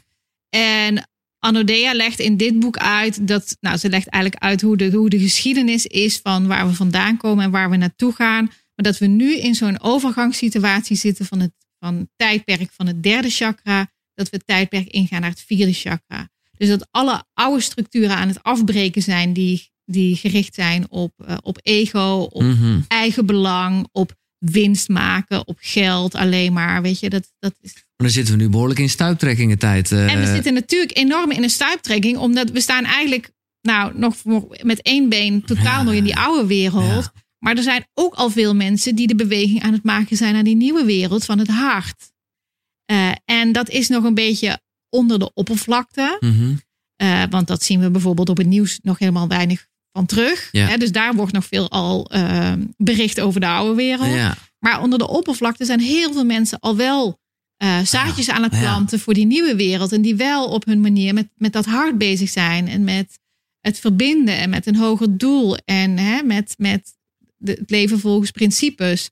En ja, en juist omdat dat nu, dat lijkt ja, bijna een tegenstelling nu. Hè? En dat is natuurlijk ook, dat roept heel veel weerstand op. Ja. Want op het moment dat we met z'n allen naar meer dat hartgebied gaan, ja, dan, dan komen onze eigen ego-stukken omhoog.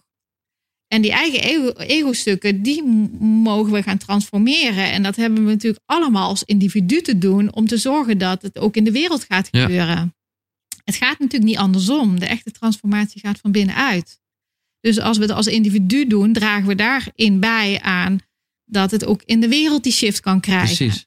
Ja, en dat is natuurlijk totaal waar we in zitten. Dus ik vind, ik vind dat ze dat. Zij is echt een ziener die dat al En dit is een, heel lang. precies, dit is al een eh, oud, eh, relatief ja, oud boek. is eigenlijk al een relatief oud boek. Dus het is, het is zo tijdloos. En daar heeft zij al zo ver vooruit in gezien.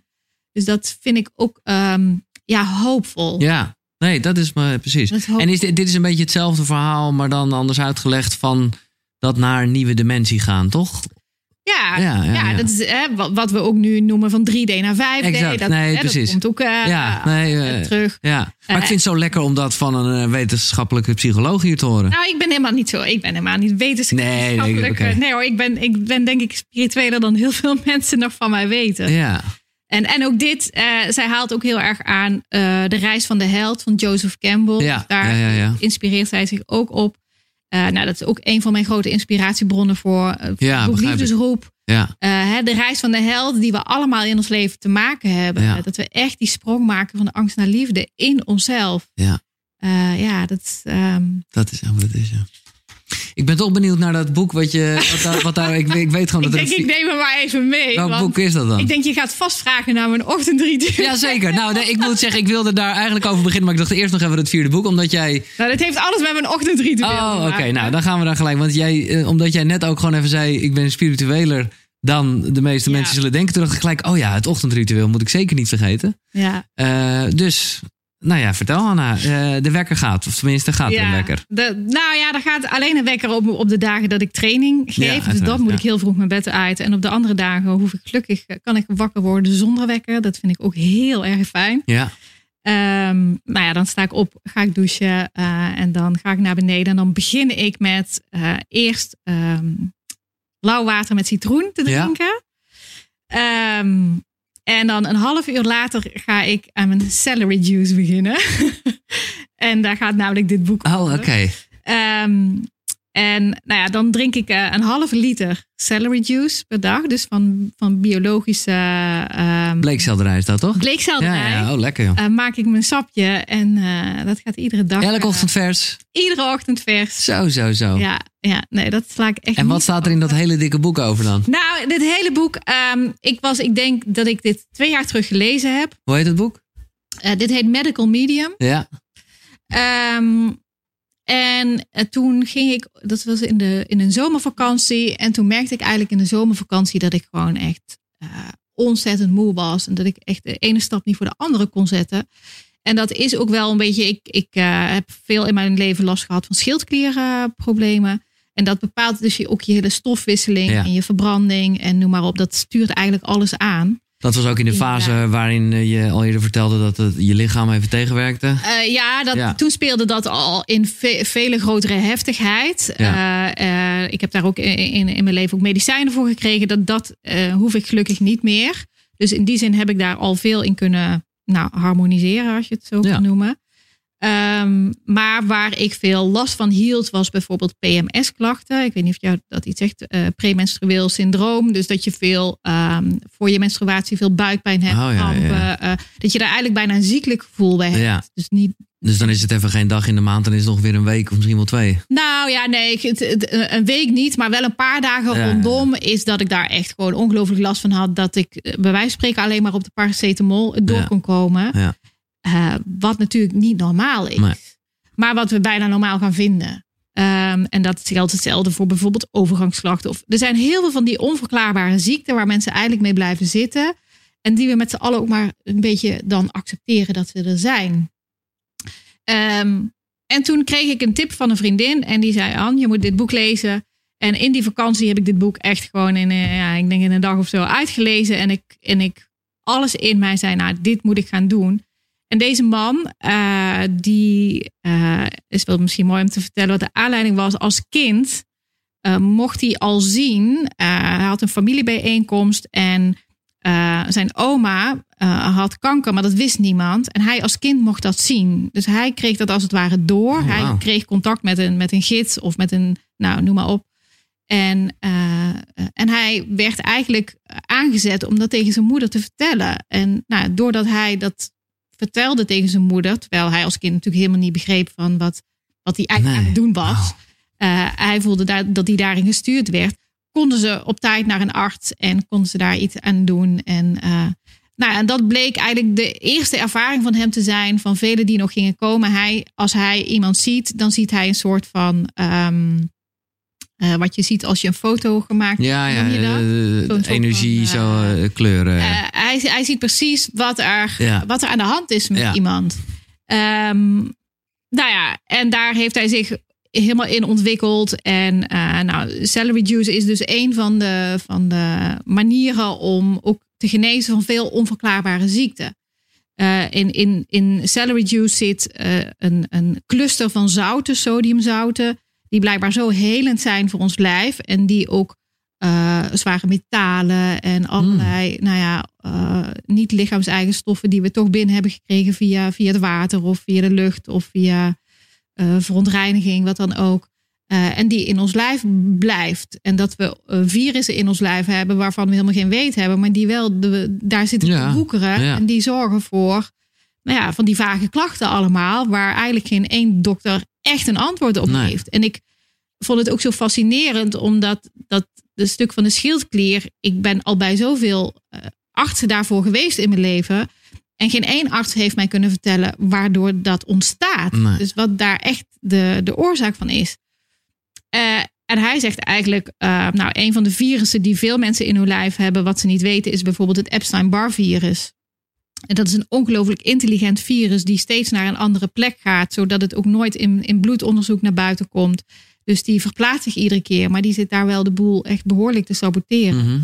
En nou ja, alles in mijn lijf ging aan toen ik dat boek las. En ik denk, morgen begin ik. En ik, en ik doe het nu dan nou ja, al een dikke anderhalf jaar. Ja. Iedere dag. En het voelt fantastisch. En ik ben mij zoveel beter gaan voelen. Ja, ja, ja. Ik ben mij echt zoveel. Ik heb echt, ik heb, ik hoef nooit geen paracetamol meer rondom mijn ongesteldheid.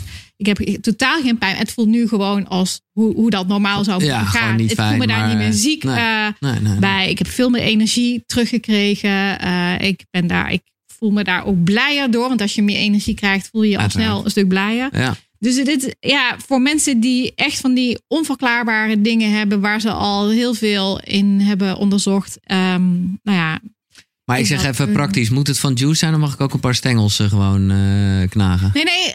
Oh nee, het is wel de sap. Ja, precies. Ja, het is wel de stap. Oké. En wat belangrijk is, om ook maar meteen bij te ze- zeggen, is dat eh, het mag niet vermengd worden met water. Nee. Dus je moet er vooral niet. Dus daarom zorg ik altijd dat ik eh, minimaal een half uur nadat ik het water heb gehad, met Ja, citroen, dat- ik daar in ieder geval minimaal een half uur tussen zit. Ja, En ook na de hand, als ik de sap eh, op heb, dat ik daarna niks. pas ga ontbijten. Ja. Of, maar daar moet in ieder geval tijd tussen zitten, zodat dat, die sap in je lijf de kans krijgt om echt naar die plekken te gaan waar het, eh, nou ja, waar Leuk. het kan reinigen. leuke, leuke, Dus, leuke, leuke tip.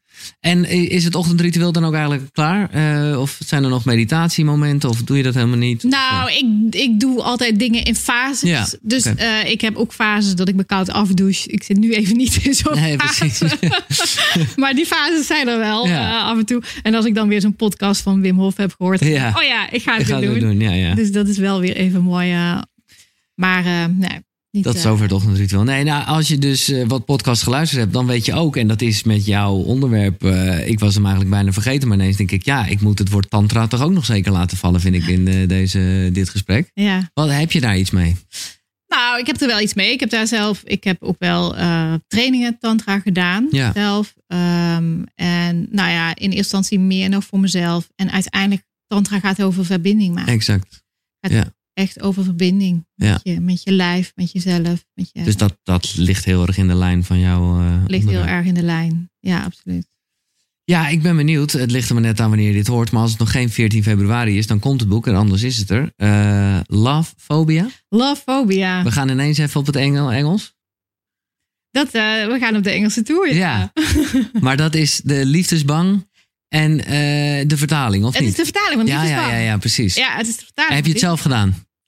Het, de vertaling? Ja. Nee, nee, nee, Nee, nee, nee, dat is niet aan mij besteed. Maar World Domination is we, coming gaan, dus. we doen het wel. Ik samen met mijn uitgever eh, hè, we- eh, doen we het zelf. We geven het zelf uit. Ja. Ik weet niet of dat is wat je bedoelt, maar ik, ik vertaal het niet zelf. Daar hebben we Nee, echte vertalers voor. Dus het, eh, het, is, het is bijna druk klaar. En 14 februari is het beschikbaar. En hoe, want het, het ligt een beetje ten grondslag aan de vraag: wat, wat, wat, ja, wat zijn jouw ambities nog verder? Dit is jouw levenswerk. Daar ben je op vele manieren mee bezig. Met, met als trainer, als, als, nou ja, als therapeut. Als, eh, nou ja, gewoon, dat is wat je doet. ja. Ehm, ja, dus wat, wat zijn je ambities als je mag dromen? Ja, als ik mag dromen. Weet je, de, de aanleiding dat we dit zijn gaan doen... is dat ik heel veel mailtjes kreeg van mensen die zeggen... van Hanna, ik heb een vriend die Engelstalig Ja, is. Die precies. kan dit boek niet lezen. En ik wil zo graag dat hij dat ook leest. Of eh, familie, vrienden, noem maar op. Eh, en nou, in eerste instantie is het echt voor die mensen bedoeld... die mij die vraag stellen. Dat ik denk, nou, ik wil gewoon dat het mogelijk is... dat die mensen het boek kunnen lezen. Ik heb bijvoorbeeld eh, telefoontjes gekregen van een dame uit Toronto... die zegt, mijn partner kan geen Nederlands lezen. Die moet ja, dit boek kunnen lezen. Nou ja, allemaal van die dingen. Ehm, ja, ik, ik, het, eh, het is beschikbaar Ja, en ik laat het balletje maar rollen. en ik, ik, eh, nou ja, ik hoop dat het veel mensen mag bereiken die, eh, Ja. ja. die daar ook weer... Het zal mij niks verbazen hoor. dat jij gewoon in 2021 bij Oprah zit. nou, dat... Nee, maar ik meen serieus. Dat bedoel de, de, nou ja, de kracht van hoe jij het omschrijft. En gewoon het thema natuurlijk sowieso. Wat ons allemaal aangaat en beheerst. Ja, het is gewoon absoluut universeel. Daar Ja, ben ik uit. Het is, exact. het is absoluut universeel. Ehm, en ja, ik zal echt niet de, de, de eerste zijn die daar het boek over schrijft. Ook niet in het Nee. Engelstalige gebied. Nee, Eh, maar ja, pss, Nou nou ja, even kijkend wat het hier in Nederland doet. eh, Nou, dat heeft me in ieder geval al ongelooflijk verrast. En, eh, nou ja, en het is fijn dat het eh, dadelijk in ieder geval voor iedereen mogelijk is om het te lezen. ja. Ja, Ik weet het eigenlijk niet. Heb jij kinderen? nee, Is het een wens? Het was altijd een wens. Ja, oké. Ja, het was Oh. altijd een wens. Oh, dus het is een heel pijnlijk onderwerp eigenlijk. Nou ja, niet, niet meer zo. Nee. Maar dat heb ik wel echt. eh, hè, waar, waar, wat ik in het begin vertelde, van dat ik die man tegenkwam waarvan ik dacht dat gaat de vader van Ja. mijn kinderen zijn. Dat was niet voor niks dat het zo lastig was om hem los te laten. Omdat ik, nou ja, in al die jaren dat ik niet beschikbaar, hè, dat ik het altijd opgegeven, de liefde, Ja, was ik ook wel een beetje over de fase heen dat ik. Eh, ja, ja de, tijd dat, tikte door. dat, dat het nog kon, zeg Ja, maar. ja, dus ja, ja, ja. dat, dat heb ik, die wens heb ik wel moeten opgeven. Ik was nieuwsgierig, dat, dat, daarom stelde ik de vraag. Hoe, hoe die, eh, hè, omdat je toch altijd heel veel van je ouders meekrijgt. Dat ook een beetje bepaalt hoe je zelf in de liefde staat. Ja, Ja, zou ik gewoon heel benieuwd zijn geweest. ja. Met iemand. En weet je, en misschien heb ik het zelf onbewust wel gesaboteerd. Ja, ja, ja, wauw. Maar dan ben je wel heel streng voor jezelf. Nou, dat doe je onbewust. Dat doe je niet bewust. Maar ik denk dat ik het heel onbewust zo heb gesaboteerd dat ik juist eh, over die periode, hè, dat, ik, dat ik zo lang die onbeschikbare relaties had, dat Ja. ik dus over die periode heen ging. Omdat ik denk, als ik eigen kinderen had gehad, dat ik, nou ja, dat ik ook zoveel doodsangst was tegengekomen. Ik weet als geen ander wat het effect is van een, in een gezin zijn waar dit is gebeurd. En dan denk ik, ja, dan Ja, ja, ja. Nee, dat, dat, eh, dat was een klus geweest, denk ik. Hoe kijk je aan tegen de dood? Nou, tegen de dood, tegen de dood zelf, eh, dat, dat, dat, ja, dat vind ik niet. Ik ben denk ik niet bang voor wat er na de dood is. Nee, want als je even mag mijmeren, want we weten het allemaal niet, maar toch, wat is een beetje jouw. Nou ja, dat we Gedachte. in ieder geval bewustzijn zijn. Ja, en dat dus ook deel blijft. van ons bewustzijn, dat dat, dat, dat, dat stopt niet. Nee. Eh, dus we hebben afscheid te nemen van, nou ja, we- ons lijf. eh, maar dat bewustzijn gaat verder. Eh, en ik heb wel, ik ben natuurlijk ook, ergens is de dood voor mij ook zo vertrouwd Mhm. geworden, omdat ik hem zo goed ken vanuit wat er is gebeurd. Maar, eh, en weet ik ook wat het effect kan zijn als, het, hè, als er niet genoeg gerouwd wordt. Ehm, maar ik heb ook veel inkijkjes mogen hebben in dat wat mij zoveel vertrouwen heeft gegeven dat, nou, dat ik niet bang hoef te zijn voor die andere kant. Dus daar, daar, nou ja, dat maakt dat ik daar niet bang voor ben. Maar misschien wel voor de manier waarop het gebeurt. Ja, natuurlijk, Dat je ja. daar misschien eerst een hele leidersweg voor door moet gaan. Of eh, dat, dat wel. Meer nog dan wat daarna. Daar, dat, nee, daar, eh, Nee. Maar, ik bedoel, dit is niet een soort afscheidsinterview. Maar ik leg toch wel even de link met terugkijkend op je leven. Als we dat nu al zouden doen. Ja, dan mag je toch ontzettend trots zijn. Ja, ik ben heel dankbaar. Ja. Ontzettend dankbaar. Ja. Ik ben echt ontzettend dankbaar. Weet je, eigenlijk voelen mijn boeken ook een soort van geesteskinderen. Ja, Dit zijn mijn Begrijp ik echt. Want volgens mij hebben we wel allemaal het verlangen om iets door te geven. Ja, Om nou, dat er iets blijft, of in ieder geval dat we iets nalaten Ja. wat echt toe doet.